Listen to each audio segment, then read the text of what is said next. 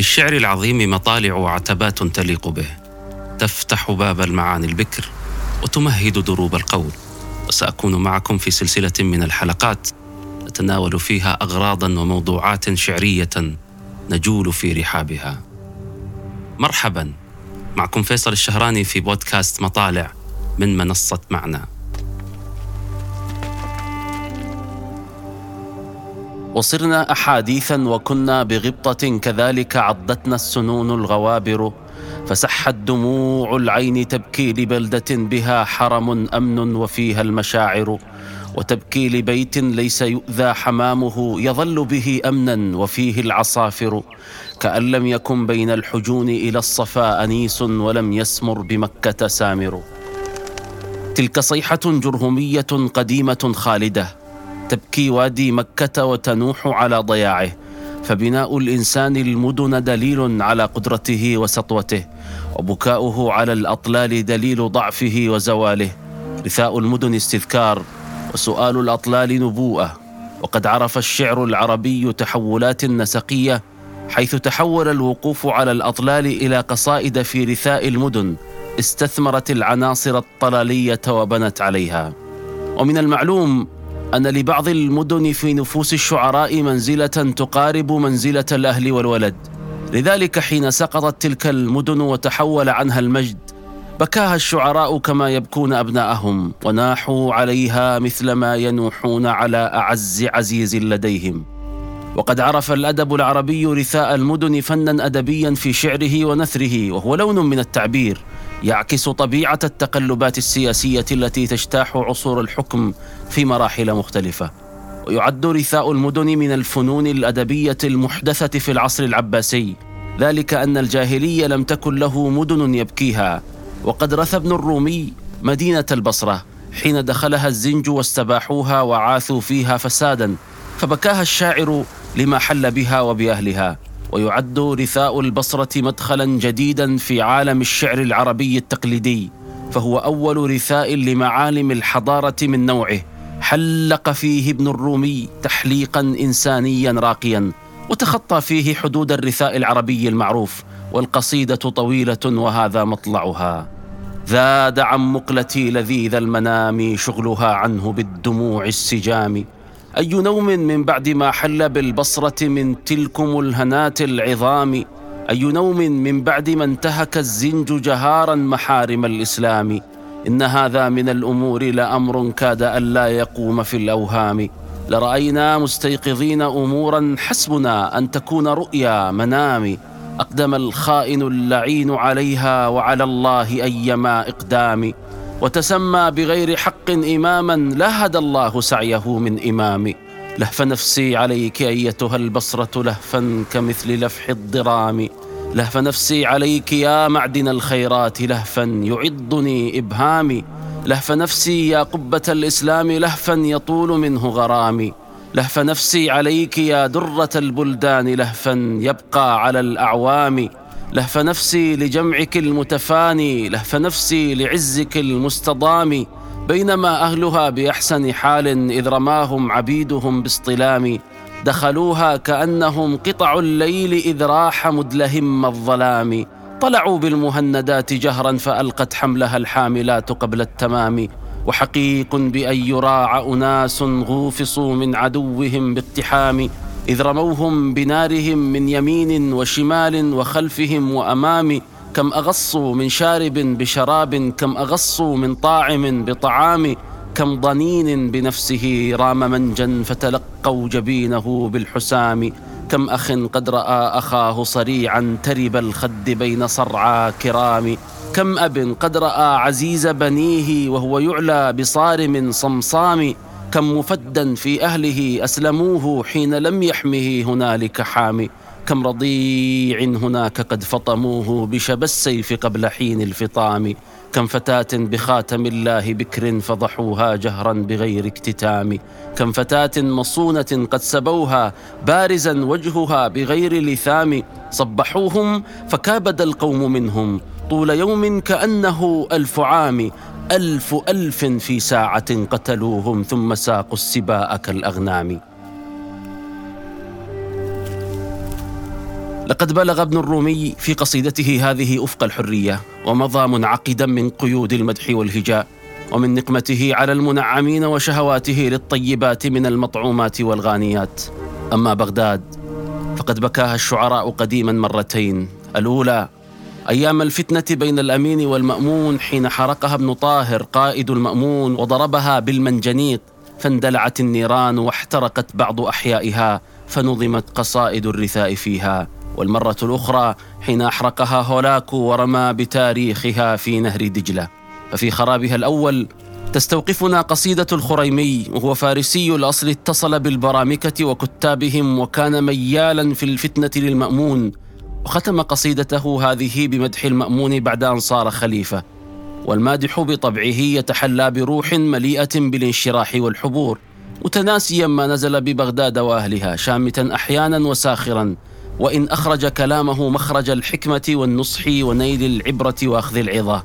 كل هذا وغيره ألقى بظلال الشك والشائبة على صدق عاطفته وسلامة باعثها.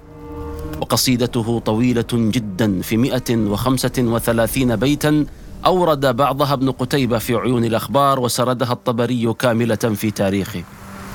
يا بؤس بغداد دار مملكة دارت على أهلها دوائرها أمهلها الله ثم عاقبها لما أحاطت بها كبائرها. بالخسف والقذف والحريق وبالحرب التي أصبحت تساورها كم قد رأينا من المعاصي ببغداد فهل ذو الجلال غافرها؟ حلت ببغداد وهي آمنة داهية لم تكن تحاذرها. طالعها السوء من مطالعه وأدركت أهلها جرائرها. رق بها الدين واستخف بذي الفضل وعز النساك فاجرها. وخطم العبد أنف سيده بالرغم واستعبدت حرائرها. وصار رب الجيران فاسقهم وابتز أمر الدروب ذاعرها. من يرى بغداد والجنود بها قد ربقت حولها عساكرها كتائب الموت تحت ألوية أبرح منصورها وناصرها. يعلم أن الأقدار واقعة وقعا على ما أحب قادرها. محفوفة بالردى منطقة بالصغر محصورة جبابرها. ما بين شط الفرات منه إلى دجلة حيث انتهت معابرها. نار كهادي الشقراء نافرة تركض من حولها أشاقرها. يحرق هذا وذاك يهدمها ويشتفي بالنهاب شاطرها والكرخ أسواقها معطلة يستن عيارها وعائرها. أخرجت الحرب من سواقطها آساد غيل غلبا تساورها. من البواري تراسها ومن الخوص إذا استلأمت مغافرها. كتائب الهرش تحت رايته ساعد طرارها مقامرها. لا الرزق تبغي ولا العطاء ولا يحشرها للقاء حاشرها. في كل درب وفي كل ناحية خطارة يستهل خاطرها.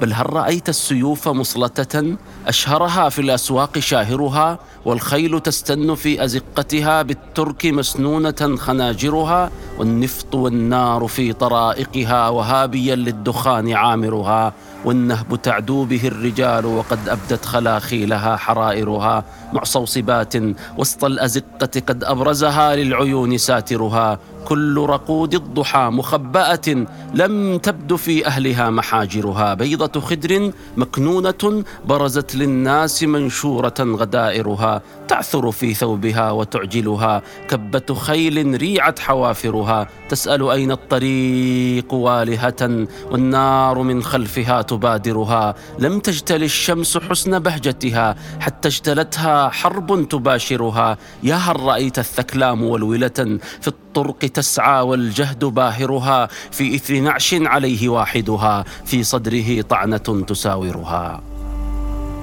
إلى آخر وصفه العجيب لمشاهد القتل والنهب والفزع الذي سكن قلوب البغداديين ولطالما فعل. وفي خراب بغداد الثاني تلفت أنظارنا قصيدة إبراهيم التنوخي وفيها يروي شناعة الأحداث وهول الدمار وجناية التتار. لسائل الدمع عن بغداد أخبار. فما وقوفك والأحباب قد ساروا؟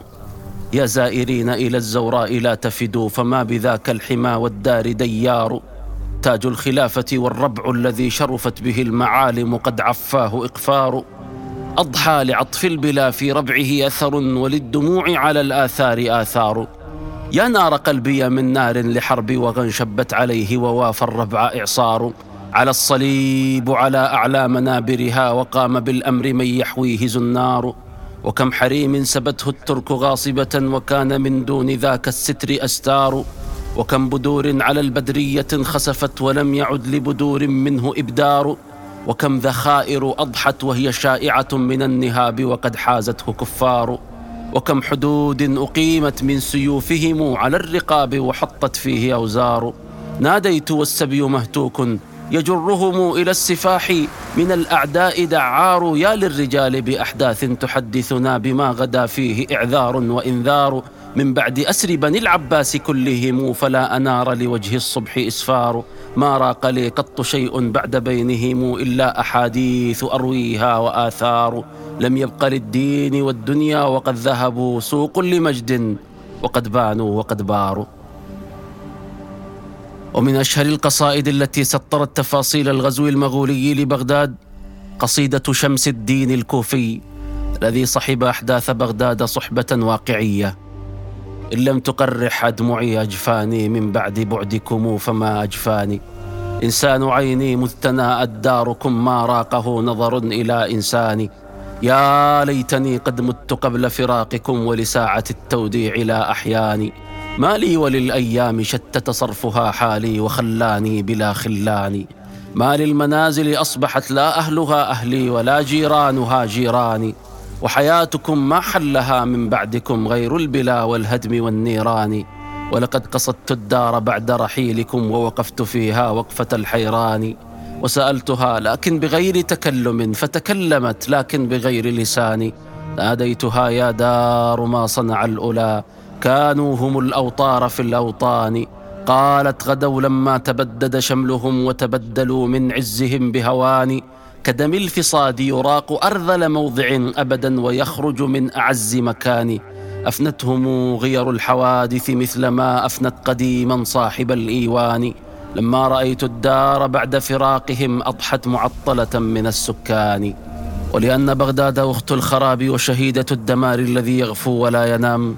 استمر الشعراء كلما نزلت ببغداد نازلة وحلت بها داهية يبكونها ويرثونها فعلى يد أهلها تدمرت وبيد التتار سبيت ونالتها يد المستعمر الرومي الغازي فبكت وأبكت. وفي هذا يقول شاعر الرصافة معروف هي عيني ودمعها نضاح كل حزن لمائها يمتاح كيف لا أذرف الدموع وعزي بيد الذل هالك مجتاح؟ قد رمتني يد الزمان بخطب جلل ما لليله إصباح حيث غمت علي وجه سمائي ظلمات تخفى بها الأشباح وتوارى عن أعيني مضمحلا شرف في مواطني وضاح يوم أمست لا حماة تذود الضيم عني ولا ضبا ورماح فأنا اليوم كالسفينة تجري لا شراع لها ولا ملاح ضقت ذرعا بمحنتي فتراءت قيد شبر لي الفجاج الفساح. أخرس الحزن منطقي بنحيب ألسن الدمع فيه ذلق فصاح ليس ذا الموج في موجا ولكن هو مني تنهد وصياح. إن وجدي هو الجحيم ولولا أدمعي أحرقتني الأتراح. لو درى منبعي بما أنا فيه من أسى جف ماؤه الضحضاح. عله قد درى بذاك فهذا هو باك ودمعه سفاح. أين أهل الحفاظ؟ هل تركوني نهبة في يد العدو وراحوا؟ ما لهم يبعدون عني انتزاحا وعزيز منهم علي انتزاح. تركوني من الفراق أقاسي ألما ما تطيقه الأرواح. لو رأوني سبيا بأيدي الأعادي لبكوا مثل ما بكيت وناحوا لا مسائي بعد البعاد مساء يوم بانوا ولا الصباح صباح. أتمنى بأن أطير إليهم بجناح وأين مني الجناح؟ أنا أدري بأنهم بعد هجري لم يذوقوا غمضا ولم يرتاحوا بل هم اليوم عازمون على الزحف بجيش به تغص البطاح. إن تأنوا فربضة الليث تأتي بعدها وثبة له وكفاح. فإليهم ومنهم اليوم أشكو بلغيهم شكايتي يا رياح.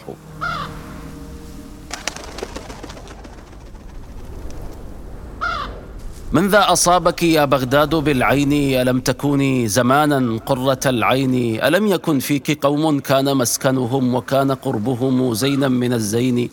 صاح الغراب بهم بالبين فافترقوا ماذا لقيت بهم من لوعة البين؟ أستودع الله قوما ما ذكرتهم إلا تحدر ماء العين من عيني. كانوا ففرقهم دهر وصدعهم والدهر يصدع ما بين الفريقين. من أجل ما قيل في رثاء المدن حديثا شعر عبد الرزاق عبد الواحد في بغداد وله قصائد كثيرة من أجملها. كبير على بغداد أني أعافها وأني على أمني لديها أخافها. كبير عليها بعدما شاب مفرقي وجفت عروق القلب حتى شغافها. تتبعت للسبعين شطآن نهرها وأمواجه في الليل كيف ارتجافها وآخيت فيها النخل طلعا فمبصرا إلى التمر والأعذاق زاه قطافها. تتبعت أولادي وهم يملؤونها صغارا إلى أن شيبتهم ضفافها. تتبعت أوجاعي ومسرى قصائدي وأيام يغني كل نفس كفافها. وأيام أهلي يملأ الغيث دارهم حياء ويرويهم حياء جفافها. فلم أر في بغداد مهما تلبدت مواجعها عينا يهون ذرافها. ولم أر فيها فضل نفس وإن ذوت ينازعها في الضائقات انحرافها. وكنا إذا أخنت على الناس غمة نقول بعون الله يأتي انكشافها. ونغفو وتغفو دورنا مطمئنة وسائدها طهر وطهر لحافها. فماذا جرى للأرض حتى تبدلت بحيث استوت وديانها وشعافها؟ وماذا جرى للأرض حتى تلوثت إلى حد في الأرحام ضجت نطافها؟ وماذا جرى للأرض كانت عزيزة فهانت غواليها ودانت طرافها. سلام على بغداد شاخت من الأسى شناشيلها أبلامها وقفافها وشاخت شواطيها وشاخت قبابها وشاخت لفرط الهم حتى سلافها. فلا اكتنفت بالخمر شطآن نهرها ولا عاد في وسع الندام اكتنافها. سلام على بغداد لست بعاتب عليها وأنى لي وروحي غلافها. فلو نسمة طافت عليها بغير ما تراح به أدمى فؤادي طوافها. وها أنا في السبعين أزمع عوفها كبير على بغداد أني أعافها. مررنا على دار الحبيب فردنا عن الدار قانون الاعادي وسورها فقلت لنفسي ربما هي نعمة فماذا ترى في القدس حين تزورها؟ ترى كل ما لا تستطيع احتماله إذا ما بدت من جانب الدرب دورها. وما كل نفس حين تلقى حبيبها تسر ولا كل الغياب يضيرها. فإن سرها قبل الفراق لقاؤه فليس بمأمون عليها سرورها. متى تبصر القدس العتيقة مرة فسوف تراها العين حيث تديرها. في القدس بائع خضرة من جورجيا برم بزوجته يفكر في قضاء إجازة أو في طلاء البيت. في القدس توراة وكهل جاء من منهاتن العليا يفقه فتية البولون في أحكامها. في القدس شرطي من الأحباش يغلق شارعا في السوق رشاش على مستوطن لم يبلغ العشرين قبعة تحيي حائط المبكى. وسياح من الإفرنج شكر لا يرون القدس إطلاقا. تراهم يأخذون لبعضهم صورا مع امرأة تبيع الفجل في الساحات طول اليوم. في القدس دب الجند منتعلين فوق الغيم. في القدس صلينا على الأسفلت. في القدس من في القدس إلا أنت. تلفت التاريخ لي متبسما. أظننت حقا أن عينك سوف تخطئهم وتبصر غيرهم. ها هم أمامك. متن نص أنت حاشية عليه وهامش. حسبت أن زيارة ستزيح عن وجه المدينة يا بني حجاب واقعها السميك. لكي ترى فيها هواك. في القدس كل فتى سواك. يا كاتب التاريخ مهلا فالمدينة دهرها دهران. دهر أجنبي مطمئن لا يغير خطوه وكأنه يمشي خلال النوم. وهناك دهر كامن متلثم يمشي بلا صوت حذار القوم. والقدس تعرف نفسها. فاسأل هناك الخلق يدللك الجميع فكل شيء في المدينة ذو لسان حين تسأله يبين. في القدس يزداد الهلال تقوسا مثل الجنين. حدبا على أشباهه فوق القباب تطورت ما بينهم عبر السنين علاقة الأب بالبنين. في القدس أبنية حجارتها اقتباسات من الإنجيل والقرآن. في القدس يرتاح والتناقض والعجائب ليس ينكرها العباد كأنها قطع القماش يقلبون قديمها وجديدها والمعجزات هناك تلمس باليدين. في القدس لو صافحت شيخا أو لمست بناية لوجدت منقوشا على كفيك. نص قصيدة يا ابن الكرام أو اثنتين في القدس رغم تتابع النكبات ريح براءة في الجو ريح طفولة. فترى الحمام يطير يعلن دولة في الريح بين رصاصتين. في القدس تنتظم القبور كأنهن سطور تاريخ المدينة والكتاب ترابها. الكل مروا من هنا فالقدس تقبل من أتاها كافرا أو مؤمنا. امرر بها واقرأ شواهدها بكل لغات أهل الأرض فيها الزنج والإفرنج والقفجاق والصقلاب والبشناق والتاتار والأتراك أهل الله والهلاك والفقراء والملاك والفجار والنساك. فيها كل من وطئ الثرى. أرأيتها ضاقت علينا وحدنا؟ يا كاتب التاريخ ماذا جد فاستثنيتنا؟ لا تبكي عينك أيها المنسي من متن الكتاب. لا تبكي عينك أيها العربي واعلم أنه في القدس من في القدس لكن لا أرى في القدس إلا أنت. اجتاح الفرنجة المشرق الإسلامية واحتلوا القدس وغيرها من مدائن العروبة وقمم الفخار. فسالت قرائح الشعراء صيحة بالثأر وإعلانا للنفير وبكاء على الحريم والذمم التي ضيعت والبلاد التي استبيحت. وأبو المظفر الأبيوردي من أول من كتب في رثاء بلاد الشام وشعره يصور الصدمة الأولى التي تعرضت لها مدن الشام عشية الغزو. مزجنا دماء بالدموع السواجم فلم يبق منا عرصة للمراحم. وشر سلاح المرء دمع يفيضه إذا الحرب شبت نارها بالصوارم. فايها بني الإسلام إن وراءكم وقائع يلحقن الذرى بالمناسم. أتهويمة في ظل أمن وغبطة وعيش كنوار الخميلة ناعم؟ وكيف تنام العين ملء جفونها على هفوات أيقظت كل نائم؟ وثمة أبيات جميلة تنسب لشاعر لم تذكر المصادر اسمه. استشعر فيها على نحو عميق تلك المآسي التي حلت ببلاد الشام. حل الكفر بالإسلام ضيما يطول عليه للدين النحيب. فحق ضائع وحما مباح وسيف قاطع ودم صبيب. وكم من مسلم أمسى سليبا ومسلمة لها حرم سليب. وكم من مسجد جعلوه ديرا على محرابه نصب الصليب. دم الخنزير فيه لهم خلوق وتحريق المصاحف فيه طيب. أمور لو تأملهن طفل لطفل في عوارضه المشيب. أتسبى المسلمات بكل ثغر وعيش المسلمين إذا يطيب. أما لله والإسلام حق يدافع عنه شبان وشيب. فقل لذوي البصائر حيث كانوا أجيبوا الله ويحكم اجيبوا وفي هذه الأبيات وغيرها من شعر رثاء المدن يوظف الشاعر رمزيات الدين وانتهاك الحرمات استنهاضا للهمة وتصويرا لبشاعة وشناعة ما حصل. وفي سنة 614 من الهجرة تعرضت مدينة حوران لاجتياح الفرنجة فقال ابن عقيل الزرعي في قصيدة طويلة يرثي حوران وأهلها جار الزمان على سكان حوران لا كان دهر قضى بالجور لا كان صاح الجلاء بهم صوتا فما لبثوا أن جاوبوه جماعات ووحدانا فأصبحت دمنا تلك الربوع لهم وبدلت بعدهم بوما وغربانا. لقد هز احتلال القدس القلوب واستولى على الضمائر فطاشت عقول وفجعت نفوس. مصاب القدس قد سلب الرقادا وقد لبس الخطيب به الحدادا وقاضيه قضى نحبا وإن لم يمت لخراب ما أعلى وشاد. ونادى المسجد الأقصى يرضى بهذا الفعل من فرض الجهاد. ومنبره الشريف يئن خوفا ومما حل بالمحراب مادا.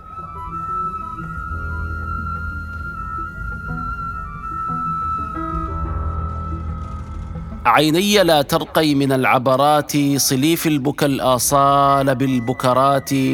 لعل سيول الدمع يطفئ فيضها توقد ما في القلب من جمرات.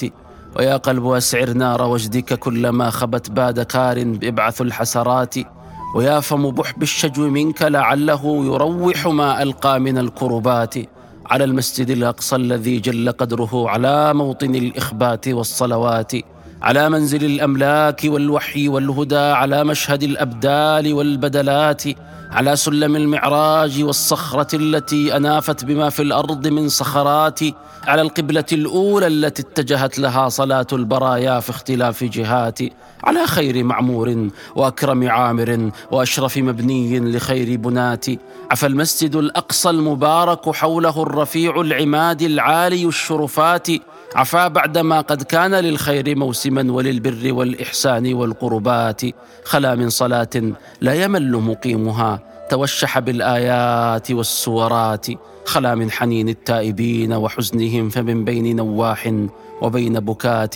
لتبكي على القدس البلاد بأسرها وتعلن بالأحزان والترحات لتبكي عليها مكة فهي أختها وتشكو الذي لاقت إلى عرفات لتبكي على ما حل بالقدس طيبة وتشرحه في أكرم الحجرات. ولما احتل تيمور لنك حلب أنشب في مساجدها ومعاهدها الدمار فقال أحد الشعراء يرثي مدينته يا عين جودي بدمع منك منسكب. طول الزمان على ما حل في حلب من العدو الذي قد أم ساحتها ناح الغراب على ذاك الحمى الخرب ويلاه ويلاه يا شهبا عليك وقد كسوتني ثوب حزن غير منسلب. من بعد ذاك العلا والعز قد حكمت بالذل فيك يد الأغيار والنوب. وحين جاء قضاء الله ما دفعت عنك الجيوش ولا الشجعان بالقضب. ولما سقطت دمياط في يد العدو سنة 615 للهجرة. بكاها ابن الخيمي قائلا ولقد بكيت لثغر دمياط دما ووجدت وجد الفاقد المحزون. أرض العبادة والزهادة والتقى وتلاوة القرآن والتأذين. وبئت وبوأها العدو فأهلها شهداء بين الطعن والطاعون.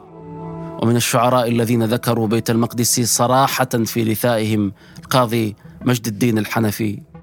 مررت على القدس الشريف مسلما على ما تبقى من ربوع كأنجم ففاضت دموع العين مني صبابة على ما مضى من عصرنا المتقدم وقد رام علج أن يعفي رسومه وشمر عن كفي لئيم مذمم فقلت له شلت يمينك خلها لمعتبر أو سائل أو مسلم فلو كان يفدى بالنفوس فديته بنفسي وهذا الظن في كل مسلم.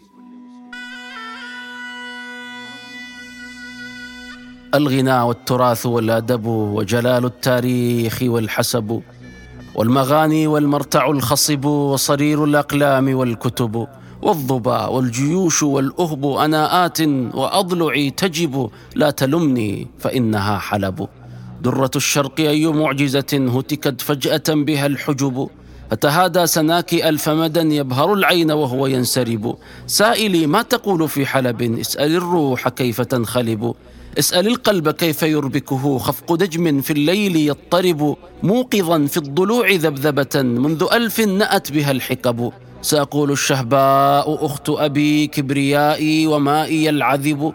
سل ظماء التاريخ كلهم دون من من نبعها شربوا ومضوا وانطوت صحائفهم وهي ريا وعودها رطب. ورووا أن روحها احتجبت غرة الشمس كيف تحتجب. هي فجر الآداب أجمعها والثقافات حملها ذهب.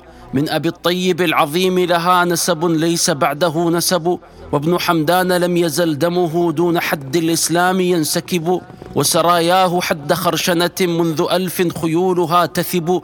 إن يكروا معاد عائدهم فالرجال الرجال ما نضبوا أمس كانت مصدهم حلب وستبقى مصدهم حلب. من أحسن ما قيل في رثاء المدن حديثا قافية أحمد شوقي الشهيرة التي نعى فيها دمشق بعد غزو المستعمر الغاشم. سلام من صبا بردا أرق ودمع لا يكفكف يا دمشق. ومعذرة اليراعة والقوافي جلال الرزء عن وصف يدق. وذكرى عن خواطرها لقلبي إليك تلفت أبدا وخفق. وبي مما رمتك به الليالي جراحات لها في القلب عمق.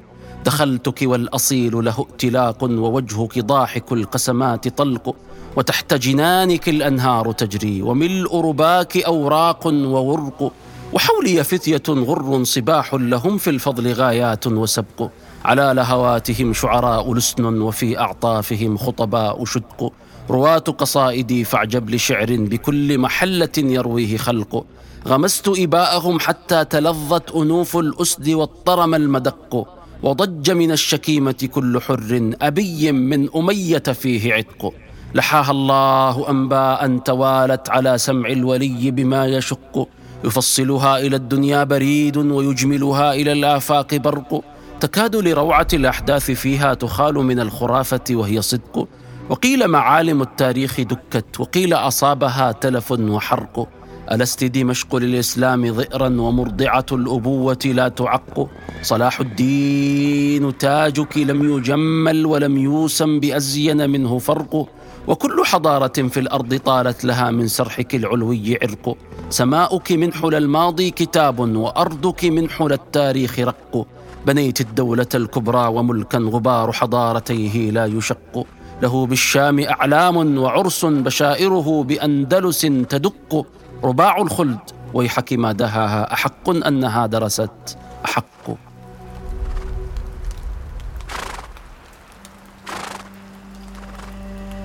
وقفت بالزهراء مستعبرا معتبرا أندب أشتاتا.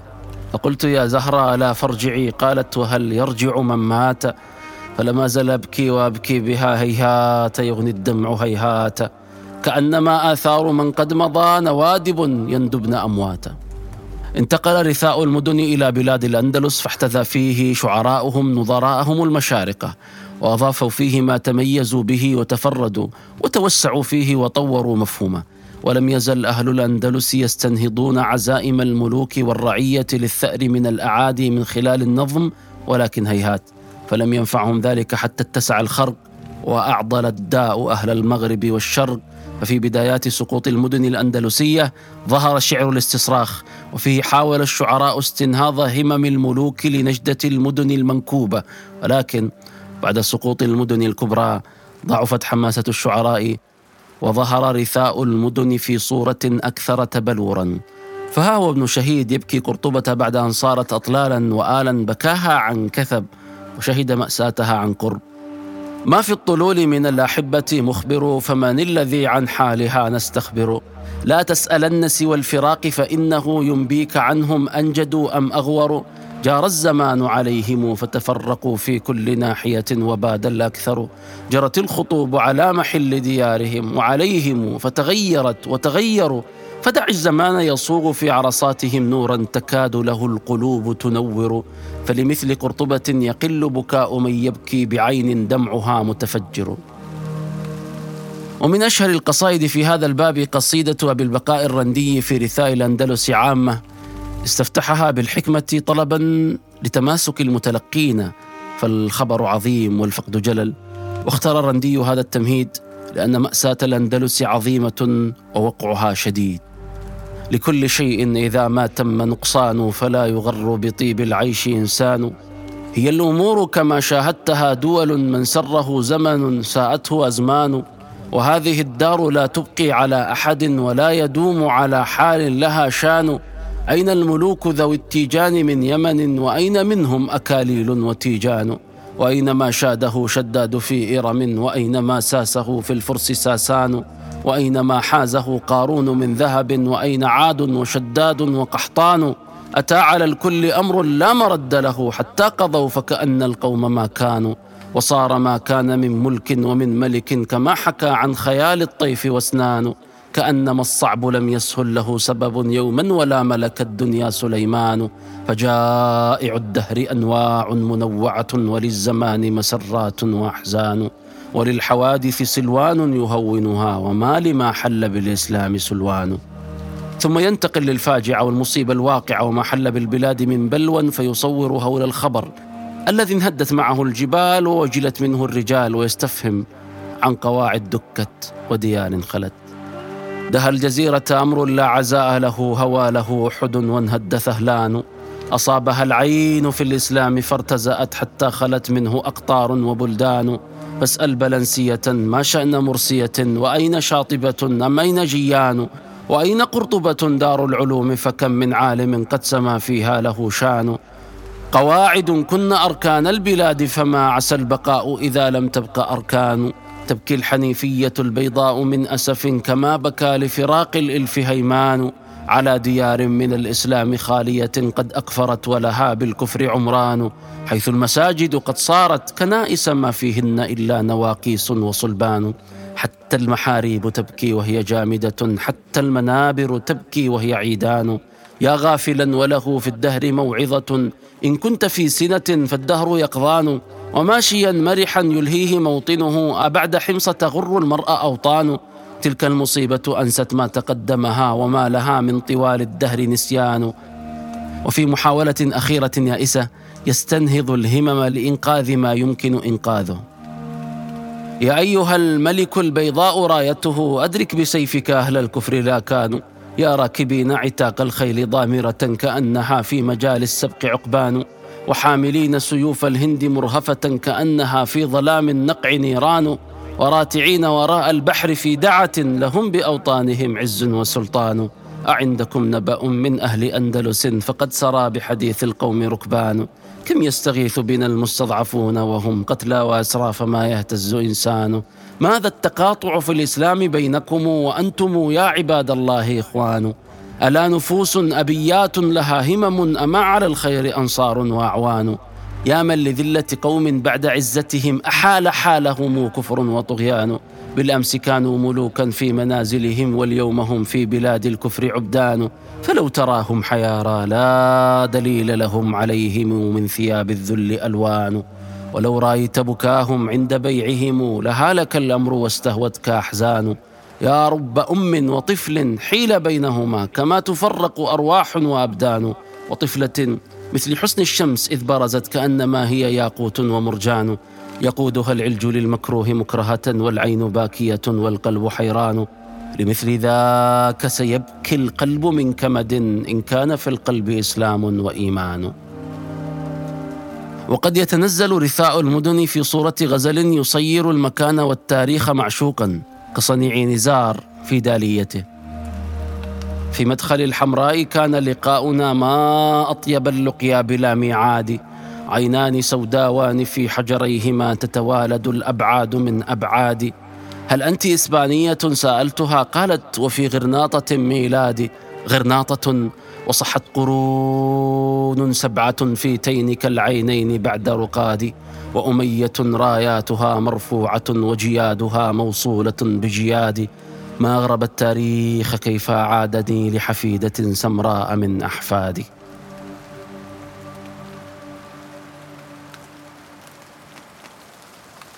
ولئن رثى نزار غرناطة متوسلا بعيني جميلة رآها أو اخترعها خياله فقد رثى الراثون مدنا من خلال بكاء رجالها الآفلين الراحلين.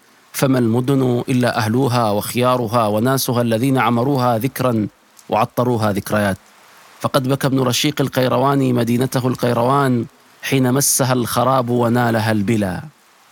كم كان فيها من كرام سادة بيض الوجوه شوامخ الإيمان متعاونين على الديانة والتقى لله في الإسرار والإعلان ومهذب جم الفضائل باذل لنواله ولعرضه صوان. وأئمة جمعوا العلوم وهذبوا سنن الحديث ومشكل القرآن. علماء إن سألتهم كشفوا العمى بفقاهة وفصاحة وبيان.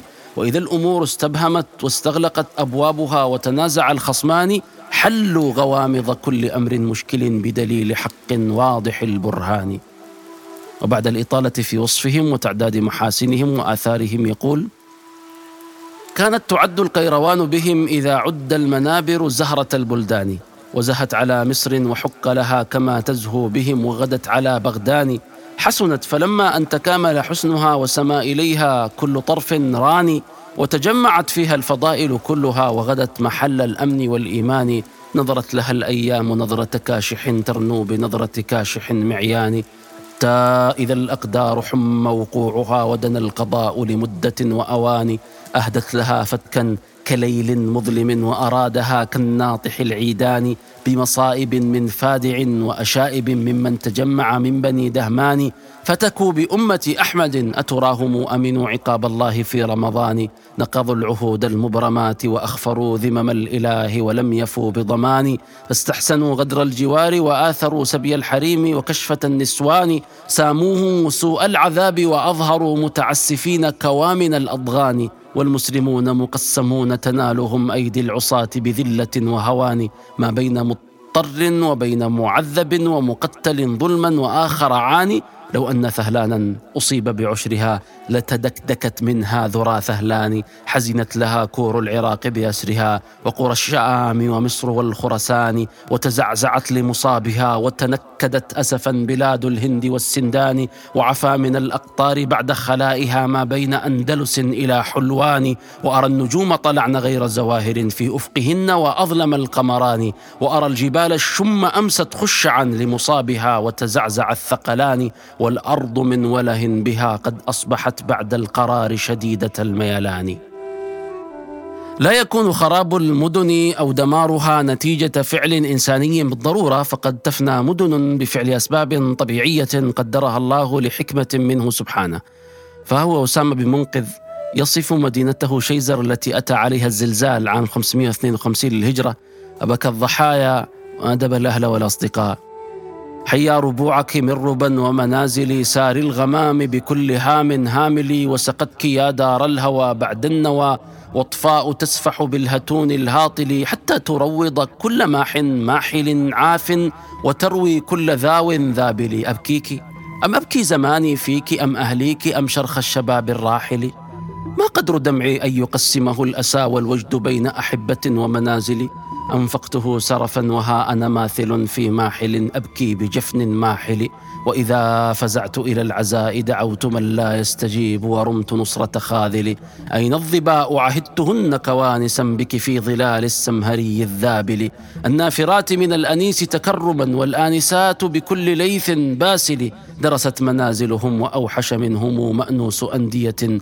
وعز محافل وهل لهم من عالم ومعالم وممنعات عقائل ومعاقل كانوشجا في صدر كل معاند وقذا يجول بعين كل محاول ذهبوا ذهاب الأمس ما من مخبر عنهم وزالوا كالظلال الزائل وبقيت بعدهم حليف كآبة مستورة بتجمل وتحامل سعدوا براحتهم وها أنا بعدهم في شقوة تضني وهم داخل فعجب لشقوتي متعب بمقامه من بعد يسرته وراحة راحلي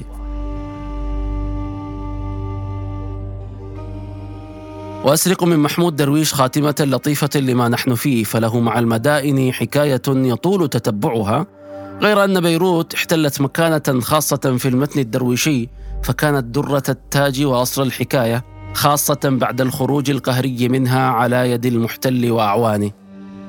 تفاحة للبحر نرجسة الرخام فراشة حجرية بيروت. شكل الروح في المرآة وصف المرأة الأولى ورائحة الغمام. بيروت من تعب ومن ذهب وأندلس وشام. فضة زبد وصايا الأرض في ريش الحمام. وفاة سنبلة تشرد نجمة بيني وبين حبيبتي بيروت. لم أسمع دمي من قبل ينطق باسم عاشقة تنام على دمي وتنام. من مطر على البحر اكتشفنا الاسم من طعم الخريف وبرتقال القادمين من الجنوب. كأننا أسلافنا نأتي إلى بيروت كي نأتي إلى بيروت. من مطر بنينا كوخنا والريح لا تجري فلا نجري. كأن الريح مسمار على الصلصال تحفر قبونا فننام مثل النمل في القبو الصغير.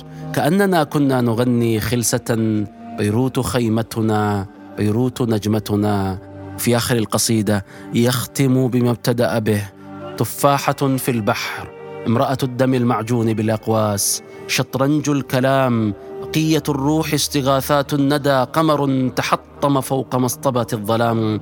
بيروت والياقوت حين يصيح من وهج على ظهر الحمام.